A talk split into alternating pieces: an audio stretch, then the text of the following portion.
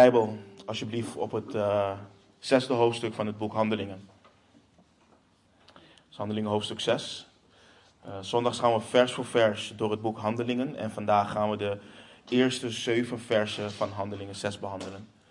En mocht je geen Bijbel bij je hebben, we hebben leenbijbels beschikbaar. Um, die kun je halen of voorzien, of je kunt je hand opsteken. En uh, mocht je notities willen maken, dan um, hebben we ook pennen en notitieblokken beschikbaar. Dus, um, en die mag je ook gewoon houden.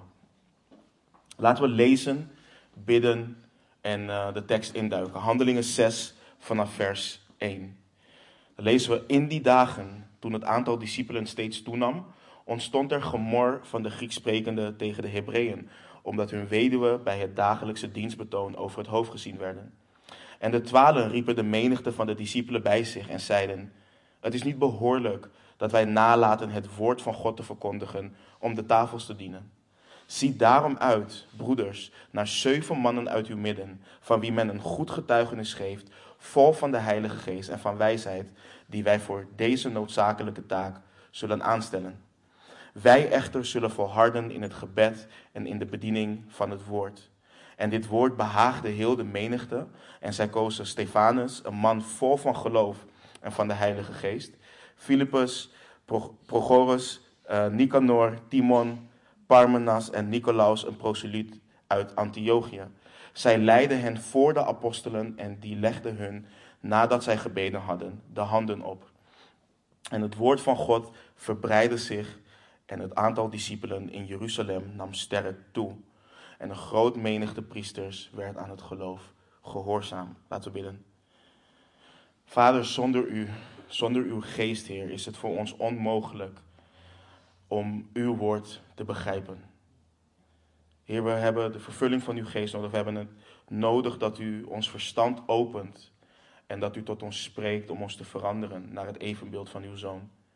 Heer, opdat we zullen wandelen op een, op een wijze uw waardig, Heer. Dus spreek vanochtend alstublieft tot ons. Open de schriften voor ons, Heer. We zijn u dankbaar dat u ons uw woord gegeven heeft, Heer, opdat we u kunnen leren kennen, opdat we uw wil kunnen leren onderscheiden en um, uw stem mogen verstaan. Dus doe alstublieft nogmaals een bovennatuurlijk werk. En um, ja, we bidden en vragen alles in de naam van onze Heer Jezus Christus. Amen.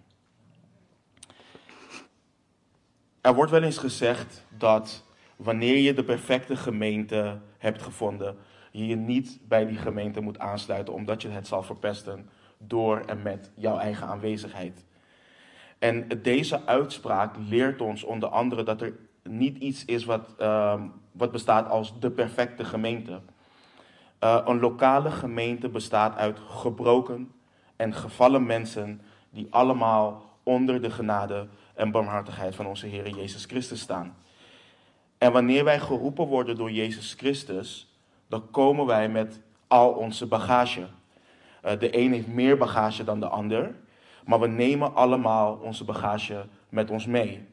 En niet alleen bagage, we hebben ook nog eens allemaal eigen persoonlijkheden. We hebben allemaal eigen voorkeuren en we hebben ook allemaal eigen verwachtingen. We hebben voorkeuren over hoe een kerk hoort te zijn, hoe lang een dienst hoort te zijn, hoe we deelnemen aan het avondmaal, de aanbiddingsliederen, noem maar op. We hebben verwachtingen over wat de kerk voor ons gaat doen, uh, hoe het ons gaat opbouwen en wat mijn eigen rol uh, gaat zijn en noem maar op.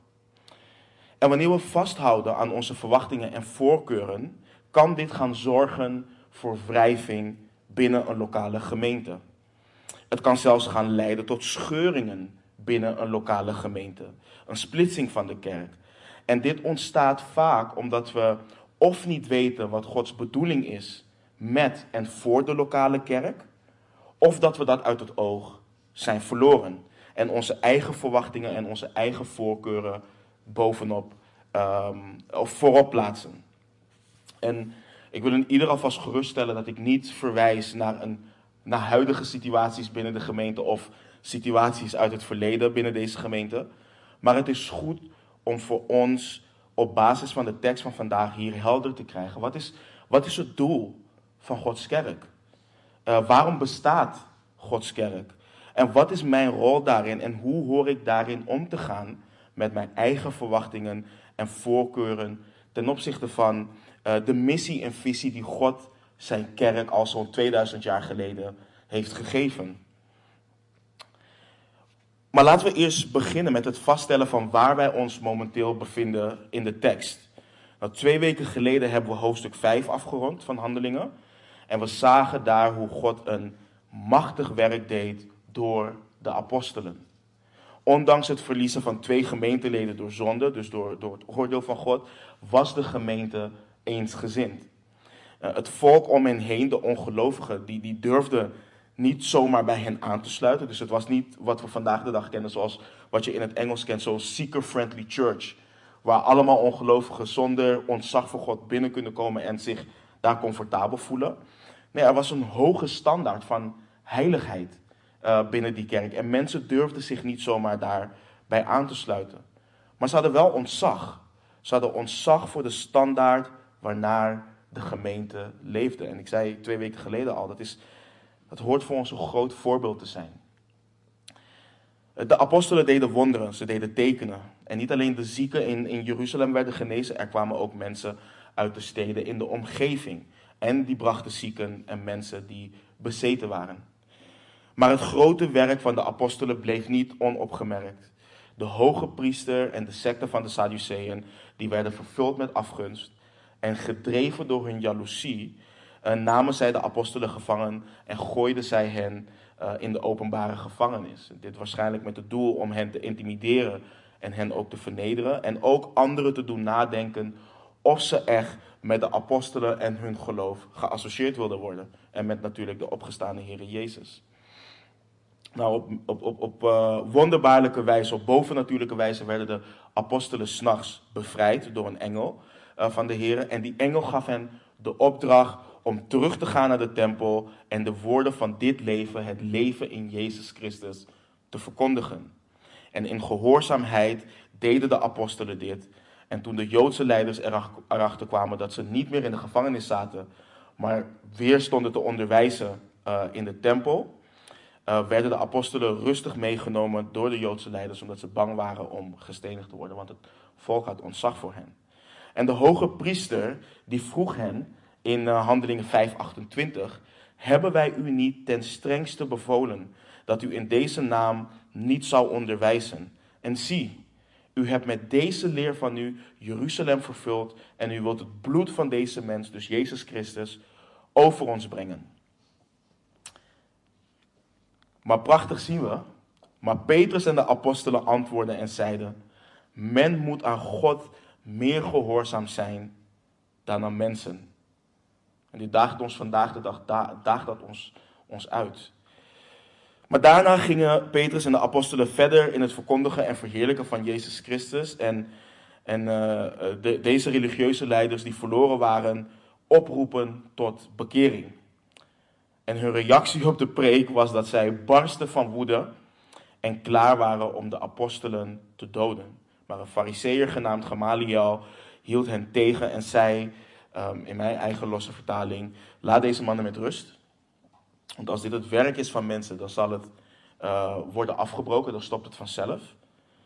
Maar als dit het werk van God is, dan kun je dit werk niet afbreken, omdat je dan ook tegen God blijkt te strijden. En nogmaals, laat dit gewoon een bemoediging voor ons zijn. Dat het werk van God, we zien ook bijvoorbeeld wat er in Frankrijk gebeurt en, en, en over de hele wereld, dat onze broeders en zusters vervolgd worden. Maar het evangelie zal nooit gestopt worden. Het zal altijd verkondigd blijven worden. En God zal altijd trouw blijven in, uh, in zijn werk. Om mensen naar hem toe te trekken en mensen te redden. Nou, de Joodse eh, leiders die luisterden naar Gamaliels, Gamaliels raad. Um, en lieten de apostelen gaan. Maar niet zonder hen eerst te geestelen en weer sterk te gebieden niet te spreken in de naam van de Heer Jezus. Nou, de apostelen gingen weg en waren verblijd dat zij waardig geacht werden omwille van zijn naam schandelijk behandeld te worden. En zij hielden niet op iedere dag in de tempel en bij de huizen onderwijs te geven en Jezus Christus te verkondigen. En dit brengt ons dus naar de tekst waar we vandaag zijn. En dan, dan beginnen we gelijk in vers 1. In die dagen, toen het aantal discipelen steeds toenam, ontstond er gemor van de Grieksprekenden tegen de Hebreeën, omdat hun weduwen bij het dagelijkse dienstbetoon over het hoofd gezien werden. Tot op dit moment heeft de kerk met allerlei uitdagingen te maken gehad. Ze werden belachelijk gemaakt met Pinksteren toen de Heilige Geest over hen werd uitgestort en werden uitgemaakt voor dronkaards. En die uitdaging hebben ze aangepakt door de zuivere prediking van het woord. Door uit te leggen vanuit het Oude Testament wat de manifestatie was die zij daar zagen. Ze werden vervolgens geïntimideerd door de Joodse leiders en die uitdaging pakten zij aan weer door de zuivere prediking van het woord, maar ook door gebed voor vrijmoedigheid. En we lazen toen in Handelingen 4 dat zij alle vervuld werden weer met de Heilige Geest.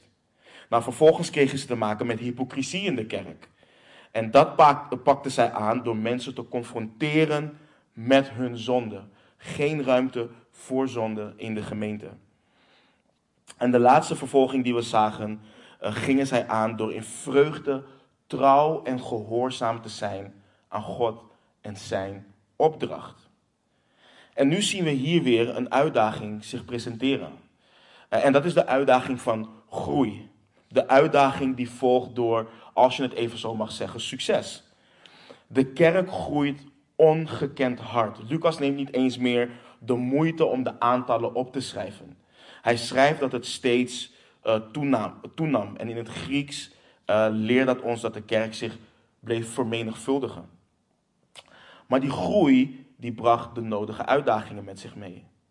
We lezen dat er gemor ontstond van de Grieks sprekenden tegen de Hebreeën. Beide groepen waar Lucas naar verwijst, dat zijn, uh, dat zijn Joden. En even om wat informatie, achtergrondinformatie te geven.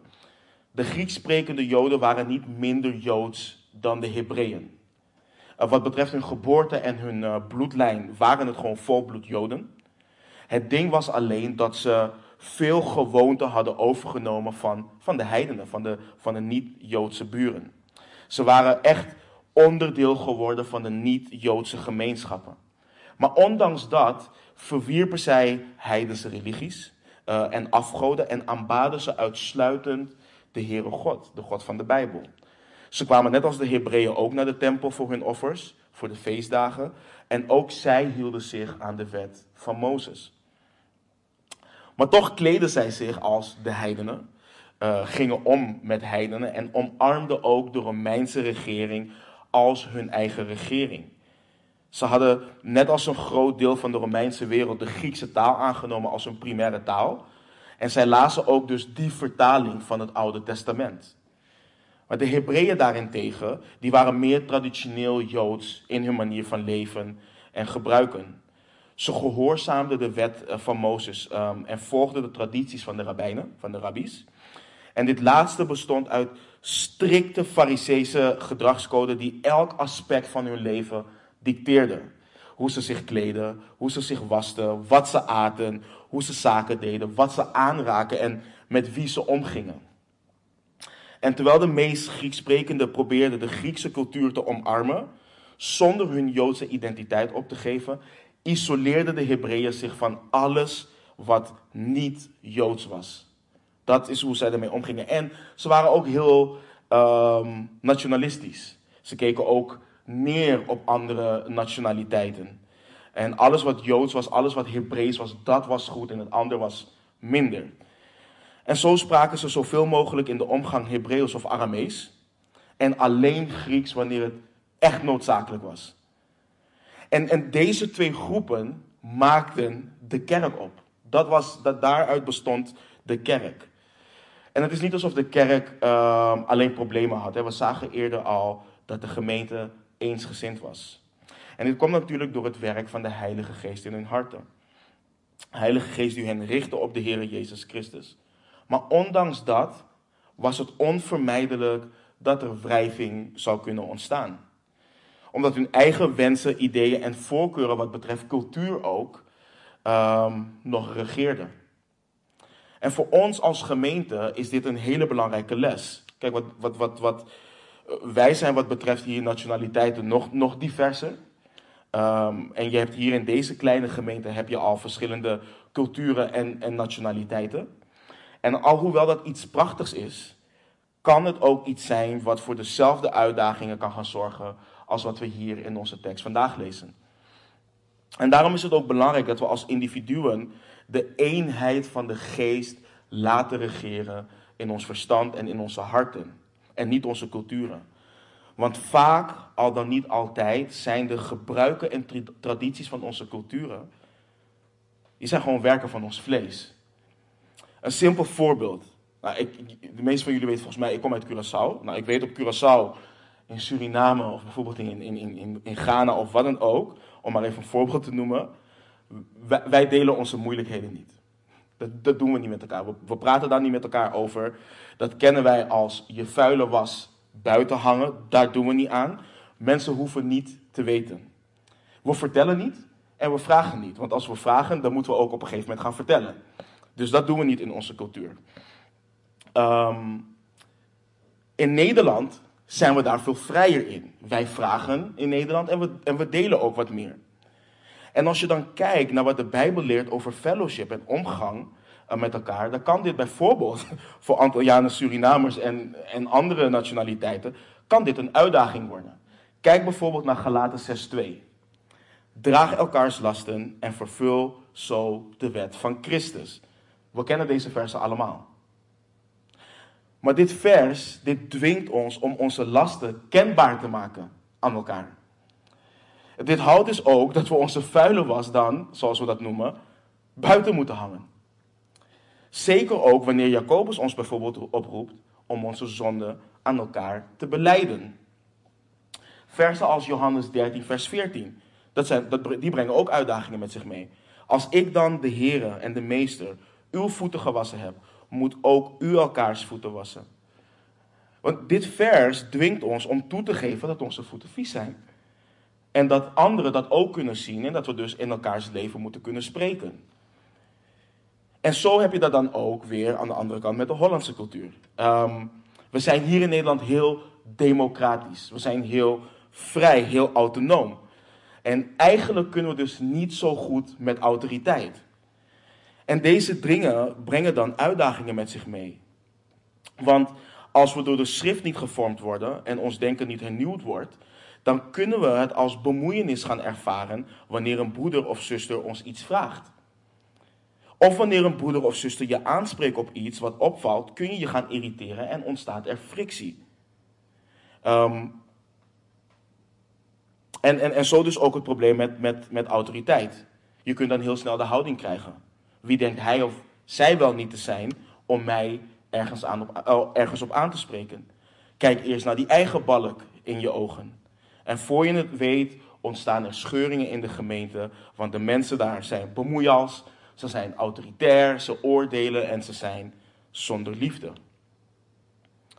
Maar wanneer we tot Christus komen, moeten we echt beseffen, al het oude is voorbij gegaan. En dit betekent, niet, dit betekent niet dat ik bijvoorbeeld persoonlijk niet meer van Curaçao of wat dan ook kom. En dat houdt ook niet in dat ik geen verlangens of wensen meer heb. Maar het houdt wel in dat ik een, een nieuwe identiteit heb gekregen. Ik ben gekruisigd met Christus en niet meer ik leef, maar Christus leeft in mij. En mijn denken, wat gevormd is door mijn opvoeding, wat ook weer eens gevormd is door mijn cultuur, dat moet hernieuwd worden. De verlangens en wensen die ik heb, die moeten komen van de Heere Jezus, van God, en niet van mijzelf. En theologisch weten we dit allemaal. Theologisch beamen we dit ook. Maar gehoorzamen we niet altijd en laten we toch onze oude ik regeren. En dat is ook wat hier in de tekst gebeurt. De Grieks sprekenden gaan ervan uit dat er een voorkeursbehandeling is voor de Hebreeën en beginnen te morren. En lees niet zomaar heen over dat woord gemor. Uh, we kennen allemaal wel het, het moment dat de Israëlieten in de woestijn aan het klagen zijn tegen Mozes en tegen God. Dat is wat we hier lezen. Dus het is echt iets wat uit onvrede gebeurt. Nou, het gebeurde dus dat de Grieksprekenden over het hoofd gezien werden. En we weten niet of de Grieksprekenden zelf naar de apostelen zijn gegaan. Of dat het op een gegeven moment via via bij de apostelen terechtkwamen. Maar ze kregen het te horen. En het prachtige is dat de apostelen daar wat mee deden. En we lezen vanaf vers 2. En de twaalf riepen de menigte van de discipelen bij zich en zeiden: Het is niet behoorlijk dat wij nalaten het woord van God te verkondigen om de tafels te dienen. Zie daarom uit, broeders, naar zeven mannen uit uw midden, van wie men een goed getuigenis geeft, vol van de Heilige Geest en van wijsheid, die wij voor deze noodzakelijke taak zullen aanstellen. Wij echter zullen volharden in het gebed en in de bediening van het woord. De apostelen konden niet alles tegelijk doen. Ze konden niet zowel de tafels dienen als de bediening van het woord en ook van gebed, wat we uh, zo meteen gaan lezen. Kijk, de apostelen hadden een duidelijke opdracht van de Heer Jezus gekregen. En dat is heen gaan, discipelen maken, hen dopen in de naam van de Vader, van de Zoon en van de Heilige Geest. En hen leren alles in acht te houden wat de Heer hen geboden heeft. De apostelen hadden een specifieke taak als opzieners van de gemeente. De bediening van gebed en de bediening van het woord, dat was hun hoofdtaak. Dat was hun hoofdbediening. Vergis je niet, dit heeft niets te maken met onwil of het te goed voelen om de tafels te dienen. Want tot op dat punt waren zij daar wel bij betrokken. Maar soms, en dat is goed voor ons om te beseffen, ehm, in onze ijverigheid om te dienen, soms moet je dingen die goed en noodzakelijk zijn, laten vallen om te blijven bij hetgeen waartoe je aangesteld bent, om niet het overzicht kwijt te raken en om ook geen steken te gaan laten vallen. En tot op dit punt ging alles een soort van organisch. Maar nu zien de apostelen zelf ook in dat structuur nodig is. Ze zijn geroepen om getuigen te zijn van de Heer Jezus in Jeruzalem, Judea, Samaria en tot het uiterste van de aarde. Maar aan de andere kant zien ze de vrucht van hun bediening, zien ze dat de vrucht van hun bediening bepaalde uitdaging met zich meebrengt. Want de bediening van de tafels, en vooral wat betreft de weduwe, dat was gewoon een noodzakelijke bediening. Vergeet niet dat in, in, in Jacobus, onze broeder, ook schrijft dat, dat volmaakte en oprechte godsdienst het, het zorgen voor de weduwe en wees is. En God draagt de kerk dus ook om, uh, op om dat te doen. Hij ziet om, sinds het Oude Testament al, op naar, om naar weduwe en wees. Maar de apostelen bieden dus een uh, oplossing. De heiligen, de kerk, de discipelen moeten uitzien naar zeven mannen uit hun midden. Mannen van wie men een goed getuigenis geeft Mannen vol van de Heilige Geest en van wijsheid. En let goed op wat er staat. Zie daarom uit. Dit houdt niet in. Zoek de eerste, de beste mannen uit die in je gedachten opkomen. Zoek niet willekeurig iemand uit of iemand die jij aardig vindt. In het Grieks zeggen de apostelen dat de discipelen mannen moeten selecteren door hen te observeren, door inspectie en onderzoek. Deze mannen die voor deze taak aangesteld zouden worden, waren niet de eerste zeven mannen die, die belangstelling toonden of simpelweg de tijd hadden om dit te doen. De gemeente werd opgedragen om de kwalificaties in acht te nemen en op basis daarvan mannen te selecteren. Dit brengt vandaag de dag soms uitdagingen met zich mee.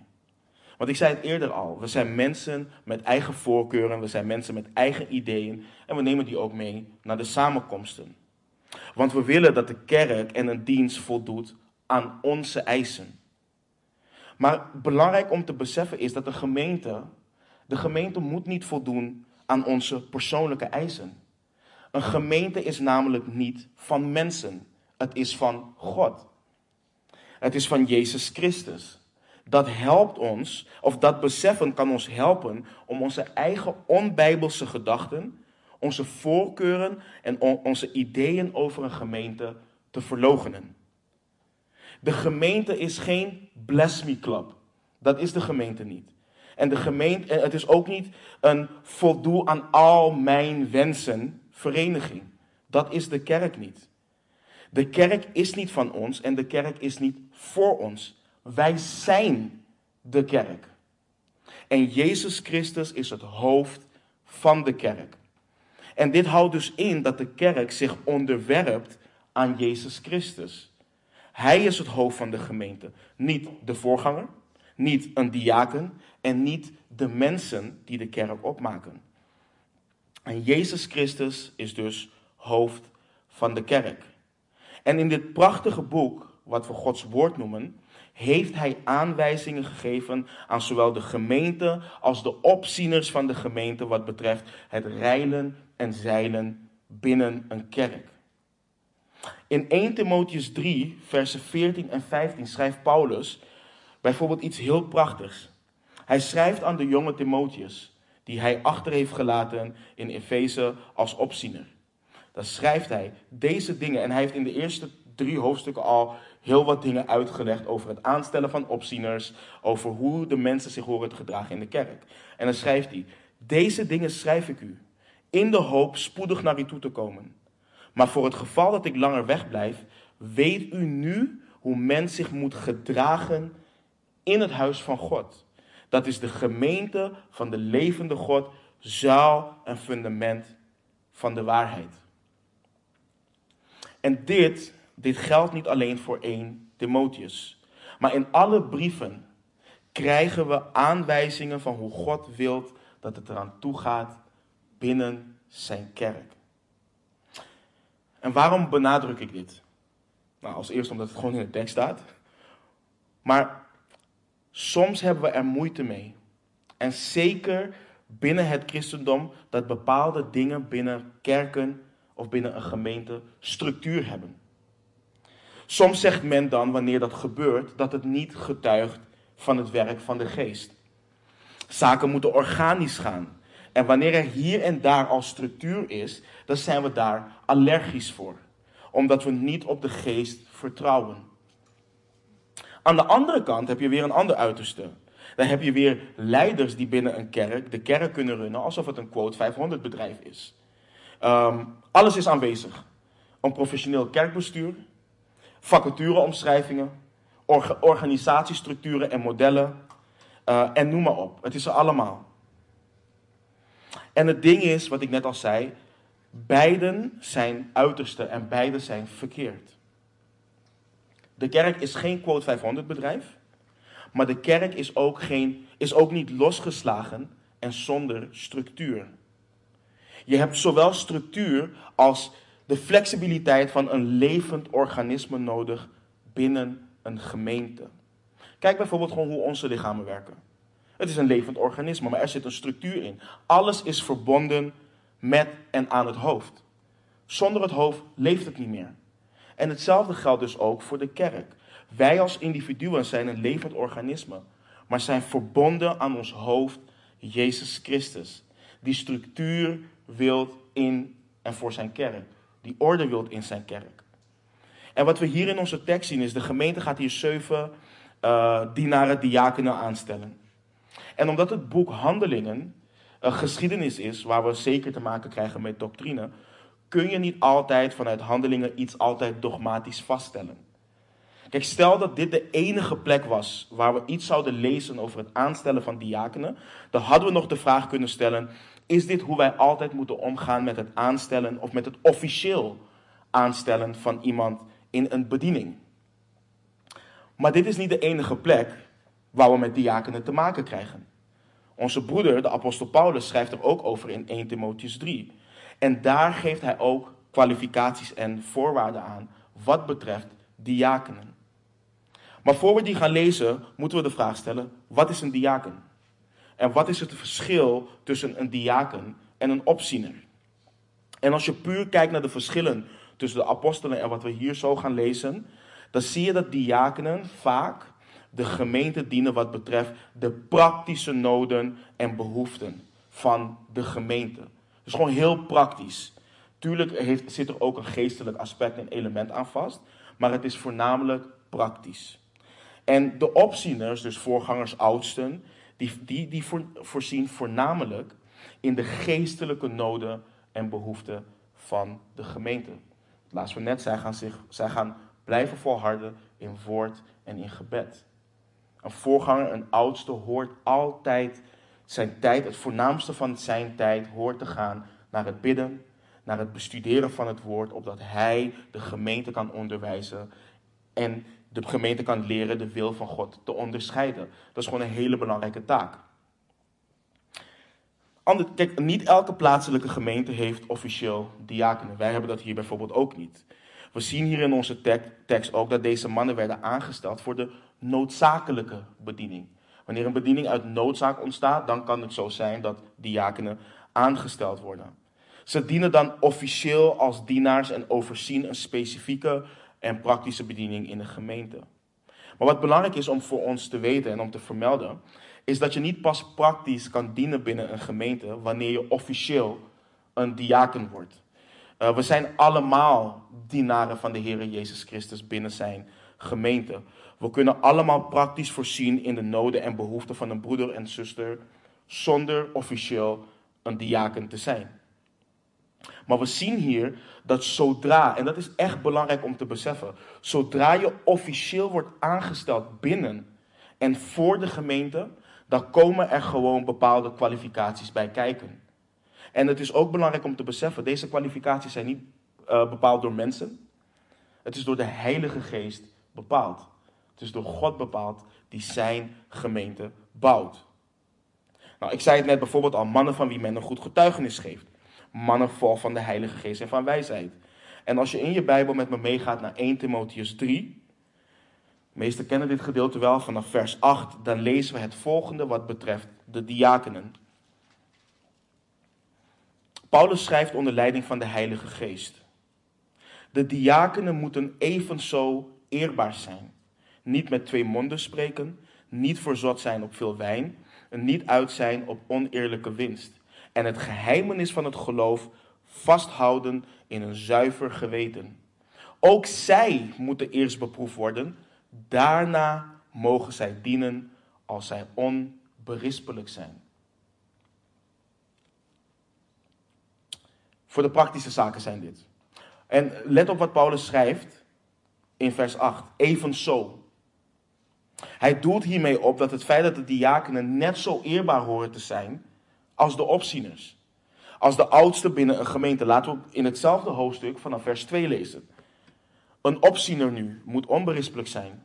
De man van één vrouw. Beheerst, bezonnen, eerbaar, gastvrij, bekwaam om te onderwijzen. Niet verslaafd aan wijn, niet vechtlustig, niet uit op schandelijke winst, maar welwillend.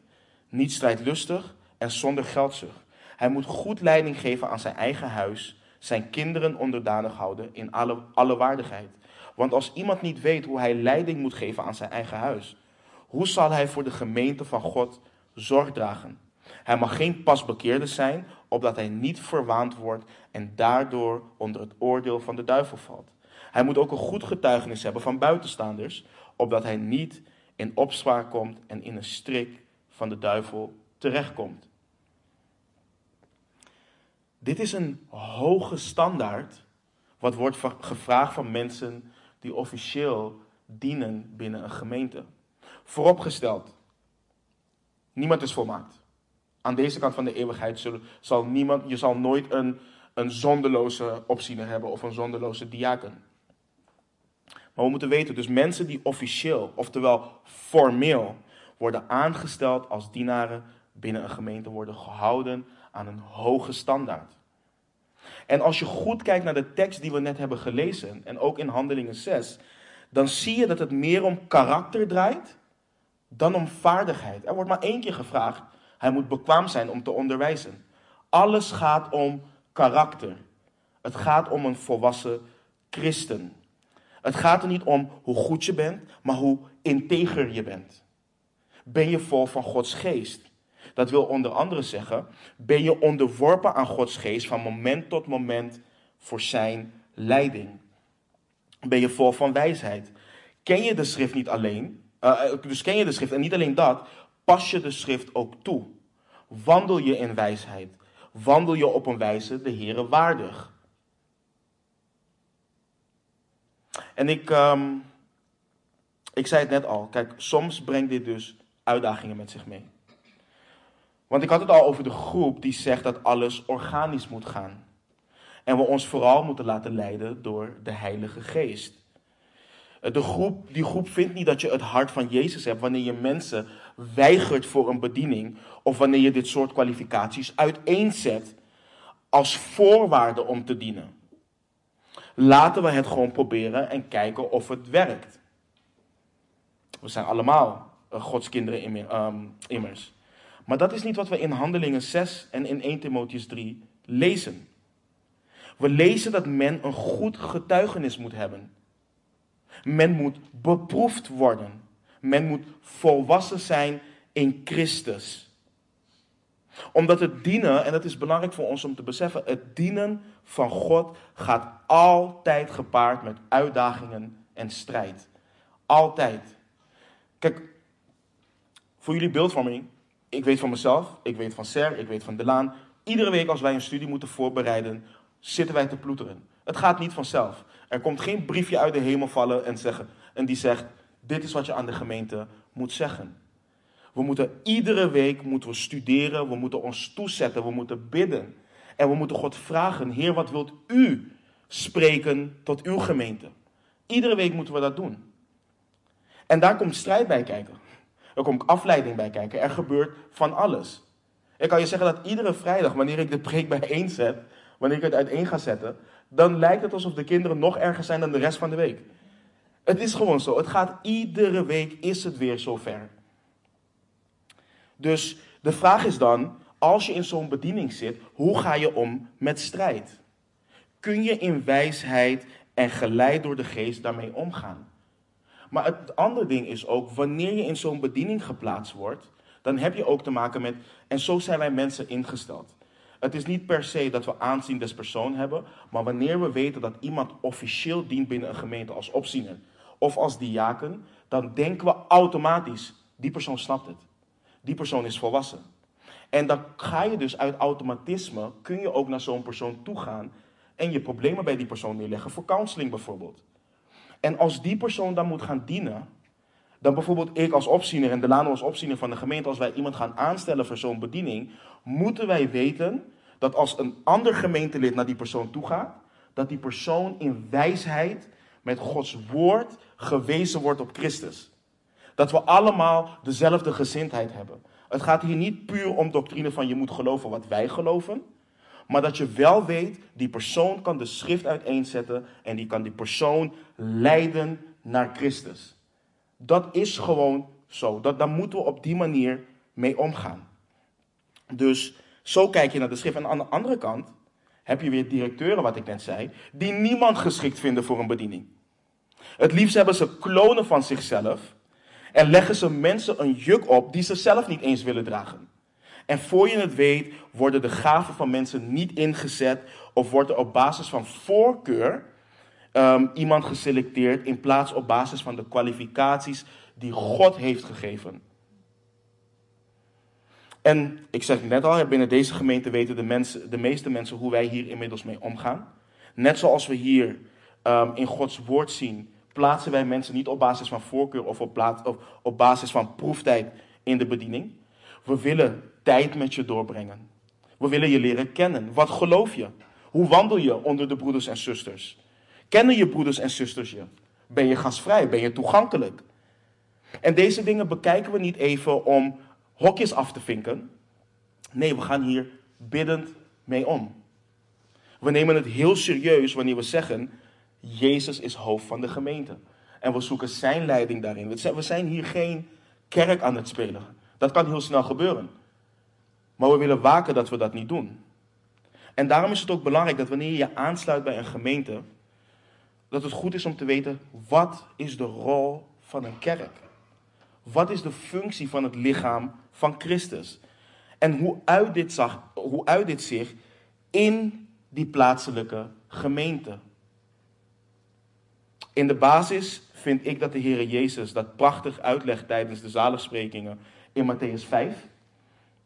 Hij zegt daar, u bent het zout van de aarde. Maar als het zout zijn smaak verloren heeft, waarmee zal het gezouten worden? Het deugt nergens meer voor dan om weggeworpen en door de mensen vertrapt te worden. U bent het licht van de wereld. Een stad die bovenop een berg ligt, kan niet verborgen zijn. En ook steekt men geen lamp aan en zet die onder de korenmaat, maar op de standaard. En hij schijnt voor allen die in het huis zijn. Laat uw licht zo schijnen voor de mensen, dat zij uw goede werken zien en uw Vader die in de hemelen is, verheerlijken. Als gemeente, als plaatselijke gemeente, als lichaam van Christus horen we zout en licht te zijn. Als eerste vertegenwoordigen we God. Door het werk van de Heilige Geest in ons zijn we in staat om daadwerkelijk zijn beelddragers te zijn. Om zijn waarheid te communiceren en naar zijn waarheid te leven. We bestaan om Hem te verheerlijken, om van Hem te getuigen. Dat is in de basis. In de basis wat de kerk doet en wat de rol van een kerk hier op aarde is. En als je kijkt bijvoorbeeld, ik weet niet hoeveel, hoeveel van jullie bijvoorbeeld op de website uh, zijn gegaan en onder de Over Ons pagina hebben gekeken. Maar voor ons als lokale gemeente, dat is wat wij houden. Ik zei net al, kijk, wij hebben geen bijzondere missie. In die zin dat wij die zelf hebben opgesteld. Onze missie is Matthäus 28. Ga heen en maak discipelen. Dat is heel simpel. We hoeven dat niet zelf te bedenken, want God heeft het al bedacht. Maar dat uit zich wel in bepaalde handelingen, in bepaalde activiteiten. Eén, het onderwijzen van Gods woord. Het onderwijzen van Gods woord opdat de mens die God toebehoort volmaakt zal zijn, tot elk goed werk volkomen toegerust. We onderwijzen Gods woord om zijn wil te leren kennen en het te onderscheiden. Om veranderd te worden door zijn woord, om te groeien in goddelijke wijsheid. En zo kun je doorgaan. Twee, het bidden zonder ophouden. Je weet allemaal dat ons verlangen is dat wij een biddende gemeente zijn. We komen hier ook s ochtends om tien uur eh, ehm, samen om samen te bidden. Niet gewoon omdat we, kijk, ik vind het leuk om samen te bidden, maar ook om Gods woord, om, om Gods leiding daarin te zoeken. We bidden samen en als individuen om God te danken, om Hem te loven, maar ook om veranderd te worden door Hem. Om Hem te vragen, het woord wat in ons gezaaid, dat het ook toegepast mag worden door de Heilige Geest in onze harten. Om ons uiteindelijk meer op Christus te doen lijken. En om ons te leiden in alles wat we doen. We laten onze volledige afhankelijkheid aan Hem zien. Drie, we rusten elkaar toe om goede werken te doen. Paulus schrijft in Efeze 2, vers 10. Want wij zijn zijn maaksel, geschapen in Christus Jezus om goede werken te doen, die, van, die God van tevoren bereid heeft, opdat wij daarin zouden wandelen. Dit vers laat, laat ons weer zien ook dat of we nou officieel diakenen of opzieners zijn, God heeft goede werken voor ons allemaal voorbereid. We zijn dus allemaal dienaren, we zijn allemaal dienstknechten. En vier, de verlorenen zoeken en zalig maken. Doelbewust en actief bezig zijn met het, makelen, met, met het maken van discipelen door het evangelie van Jezus Christus te verspreiden, te verkondigen. En wanneer je dus weet dat de kerk niet bestaat om jouw eigen behoeften te vervullen en om je eigen voorkeuren er doorheen te willen krijgen, dan ga je ook niet naar een gemeente kijken of een gemeente selecteren op basis van wat jij zelf fijn vindt. Op basis van welke liederen ze zingen, op basis van, noem maar op, hoe, vieren we het avondmaal en al dat soort dingen. En natuurlijk, al die dingen hebben een plek. Al die dingen hebben een plek. Het is belangrijk om te weten wat we zingen en dat iedereen het uh, daarmee eens is. Maar het ding is bijvoorbeeld de liederen die we zingen. De liederen die we zingen, die zijn niet om ons een goed gevoel te geven. We zingen die liederen richting God om Hem te aanbidden. Dus het gaat er niet om dat het ons behaagt. Het gaat, het gaat erom dat het God behaagt. Zo heb ik wel eens bijvoorbeeld iemand gehad die tegen me zegt: Ja, je praat heel veel over dat de liederen die gezongen worden, dat die doctrinaal goed moeten zijn. Ja, want we zingen tot God. Dus ze moeten doctrinaal ook kloppen. We moeten ook de waarheid zingen over en richting God. Dus die dingen die zijn heel belangrijk. Je gaat dan bijbels kijken naar een gemeente. Zijn ze bezig met het verheerlijken van God? Hebben ze een duidelijke missie om discipelen te maken en zijn ze daar trouw aan? Is het een gemeente wat volledig afhankelijk is van Gods geest in gebed of hebben ze eigen ideeën? En als je dit niet helder hebt, dan zul je een bijbelgetrouwe gemeente verlaten, omdat ze niet bijvoorbeeld het type aanbiddingsliederen hebben die jij leuk vindt. Of omdat je een specifiek talent hebt eh, of denkt te hebben, maar ze dat niet herkennen. Of omdat de preken niet tot je aanspreken, want ze zijn te lang, te hard, te, te, te, te kort en noem maar op. En dat is belangrijk. God heeft de kerk niet voor ons als individuen gemaakt. Hij heeft de kerk uit ons als individuen gemaakt. En wij mogen daarin deelnemen om als instrumenten in zijn heilsplan, heilsplan gebruikt te worden hier op aarde. Vergeet niet dat God de kerk gebruikt om de mooiste boodschap ter wereld te verkondigen. Dat Hij als volmaakt God in zondig vlees is gekomen in de persoon Jezus Christus. En, ons, en, als, en als onschuldig mens zijn eigen leven heeft gegeven om schuldige zondaars vrij te kopen door zijn werk aan het kruis. Dat is een prachtige, dat is een prachtige boodschap. En dat is de boodschap waarvoor. Dat is, hij gebruikt de kerk om die boodschap duidelijk te maken. Dus de kerk is geen vereniging die we selecteren op basis van onze eigen wensen, onze eigen ideeën en behoeften. Het is de gemeente van de levende God, zeil en fundament van de waarheid. En de Heere God heeft het blauwdruk voor zijn gemeente gegeven in zijn woord, waarvan hij de auteur is. En de belangrijke vraag is, kunnen wij ons daaraan onderschikken? Kunnen we onszelf daarin verlogenen en de kerk gaan zien hoe God de kerk ziet? Deze zeven mannen moesten geselecteerd worden en de apostelen zouden blijven volharden in het woord en in gebed. En ik bid ook voor Nederland en ik hoop dat jullie daar ook voor bidden, dat er meer opzieners mogen, mogen zijn en mogen opstaan die blijven bij hetgeen waartoe God hen geroepen heeft. We bidden en, en, en het recht snijden van Gods woord aan de heiligen.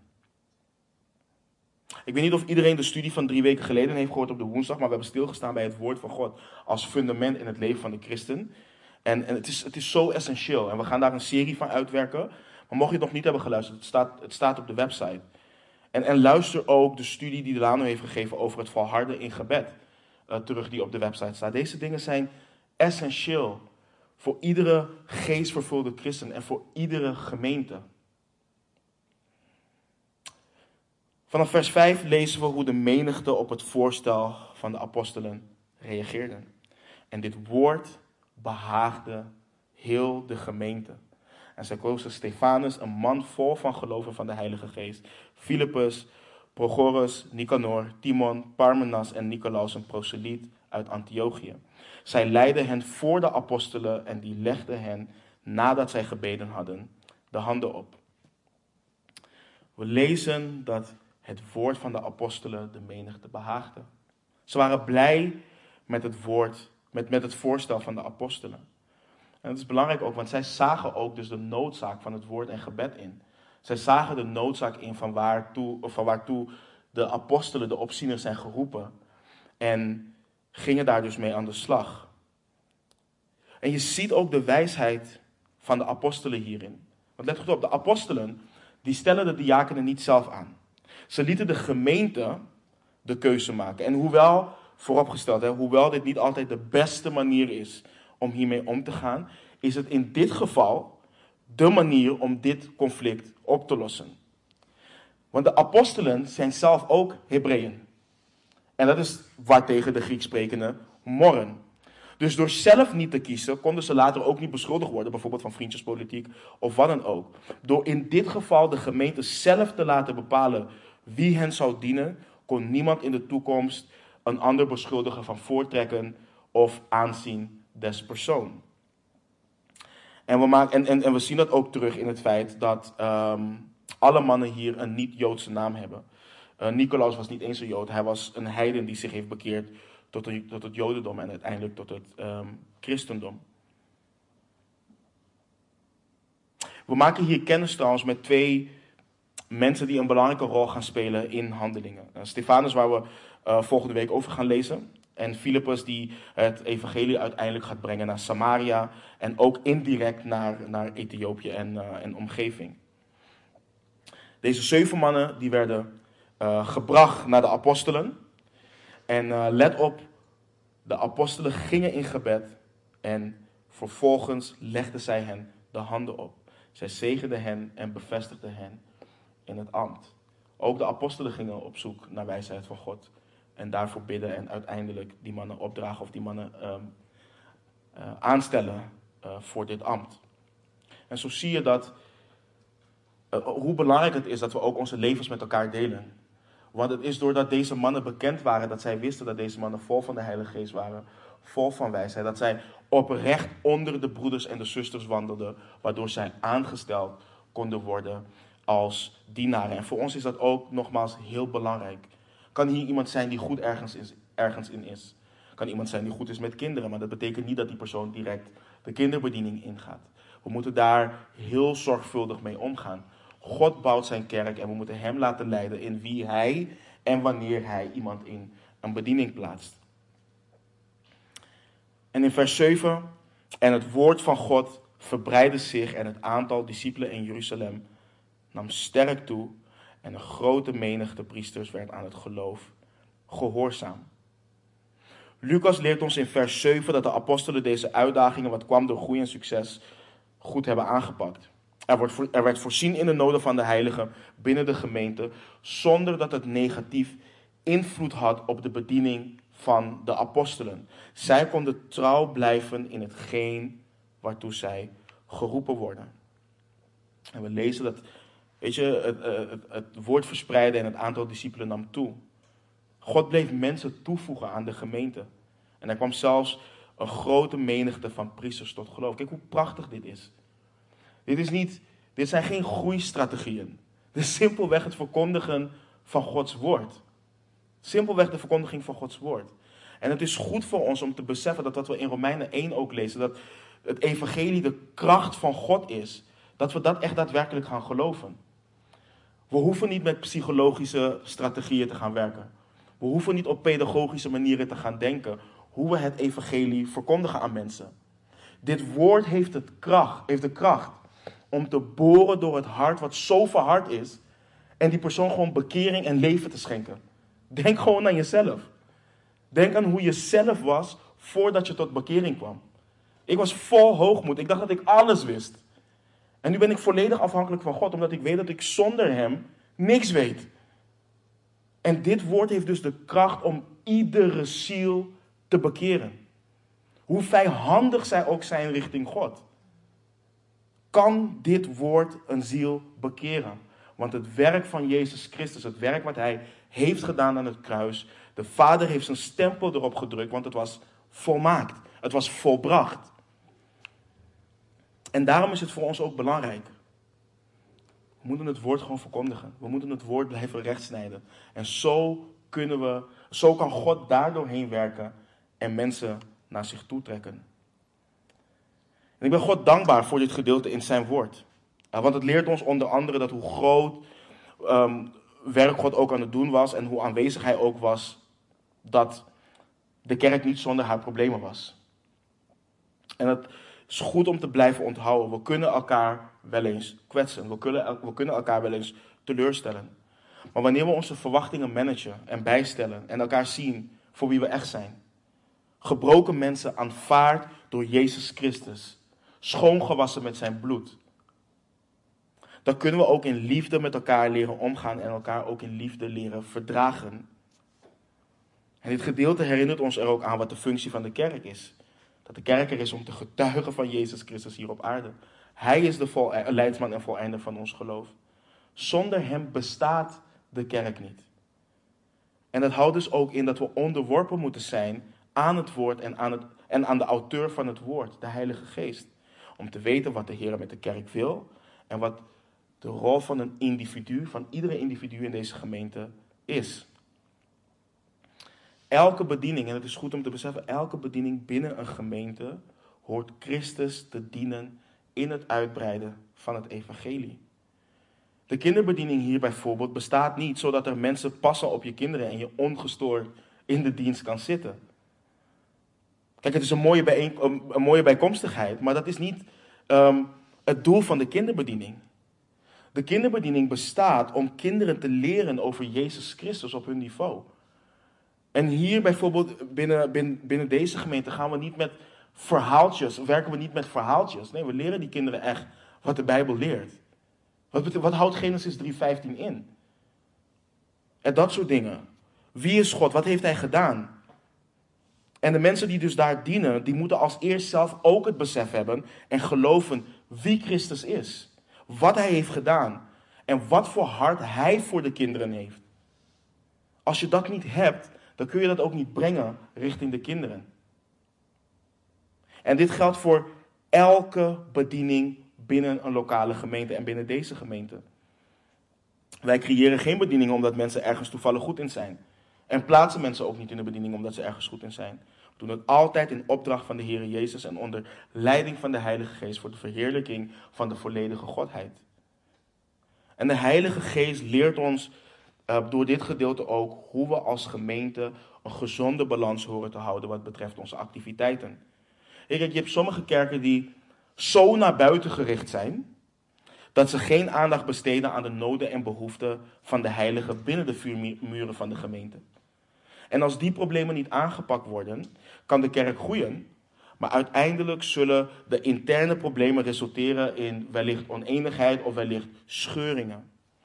Dus het is belangrijk om een gezonde balans daarin te houden. Andere kerken zijn weer zo intern gefocust dat ze hun missie in de wereld vergeten.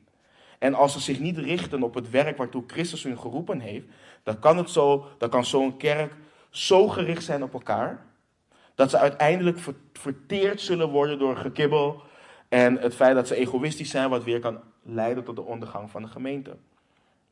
Dus een gezonde kerk houdt balans tussen het omgaan met de interne noden en behoeften, maar blijft ook gefocust op de taak om het evangelie naar de wereld te brengen. Om te doen waardoor, waartoe de gemeente is geroepen.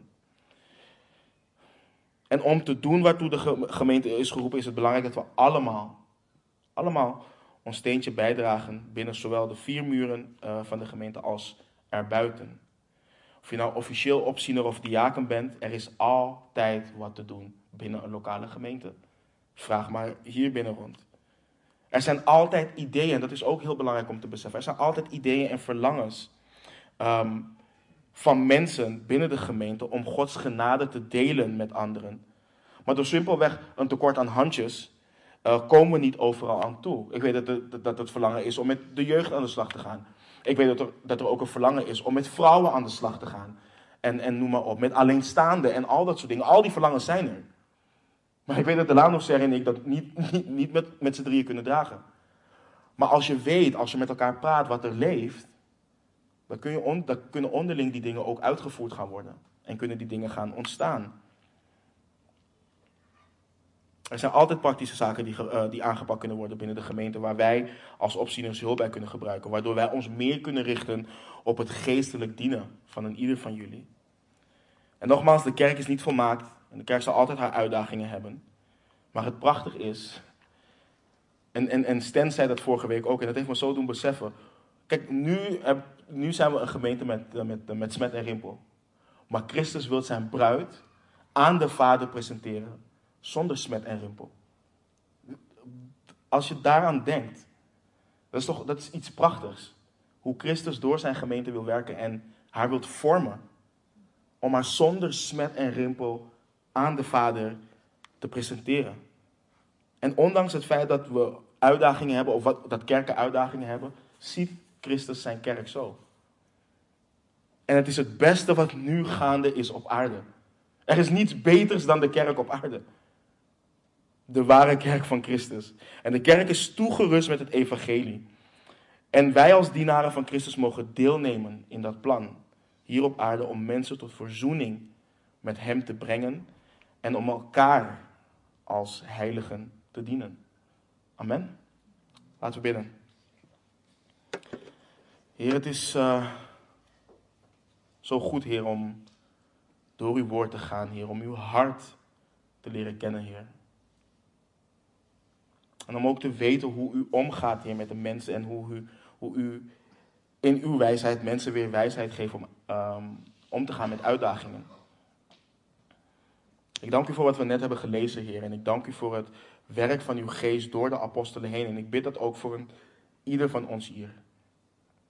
Vervul ons met uw geest. Leid ons alstublieft, Heer. En het is mijn verlangen voor ons als lokale gemeente dat we eensgezind zijn. Heer, dat we hecht aan één gesmeed zijn, Heer. En dat uw geest ons dicht bij elkaar houdt. En dat we onze ogen samen gericht houden op u. Dat we zij aan zij strijden voor het evangelie, Heer. En dat we zij aan zij u dienen, maar ook elkaar dienen. Heer, ik dank u voor een ieder die dient in deze gemeente. En ik dank u voor een ieder waar, Wat u het verlangen ook hebt gegeven om te dienen, op wat voor manier dan ook. We danken u voor de goede werken die u voor de grondlegging van de wereld al hebt, uh, hebt bedacht voor ons, Heer. En we bidden voor de wijsheid en voor vreugde om daarin te wandelen. Ik dank u voor deze kerk. Ik dank u voor uw lichaam wereldwijd. Rust in ieder van ons toe, Heer. Help ons om de missie die u ons gegeven heeft, Heer. Om die um, voor ogen te houden, Heer. En help ons om te volharden in het woord en in gebed. En werk daar alstublieft doorheen, Heer. De wereld is verloren. Er is zoveel wanhoop, zoveel boosheid, zoveel verdriet, zoveel onzekerheid, Heer. Maar bij U hebben we vrede. Bij U is er zekerheid, bij U is er hoop. En ik bid dat U in ieder van ons mag gebruiken om die zekerheid en hoop ook kenbaar te maken. Dus we loven en prijzen Uw naam, Vader. We bidden al deze dingen in de machtige naam van onze Heer Jezus. Amen.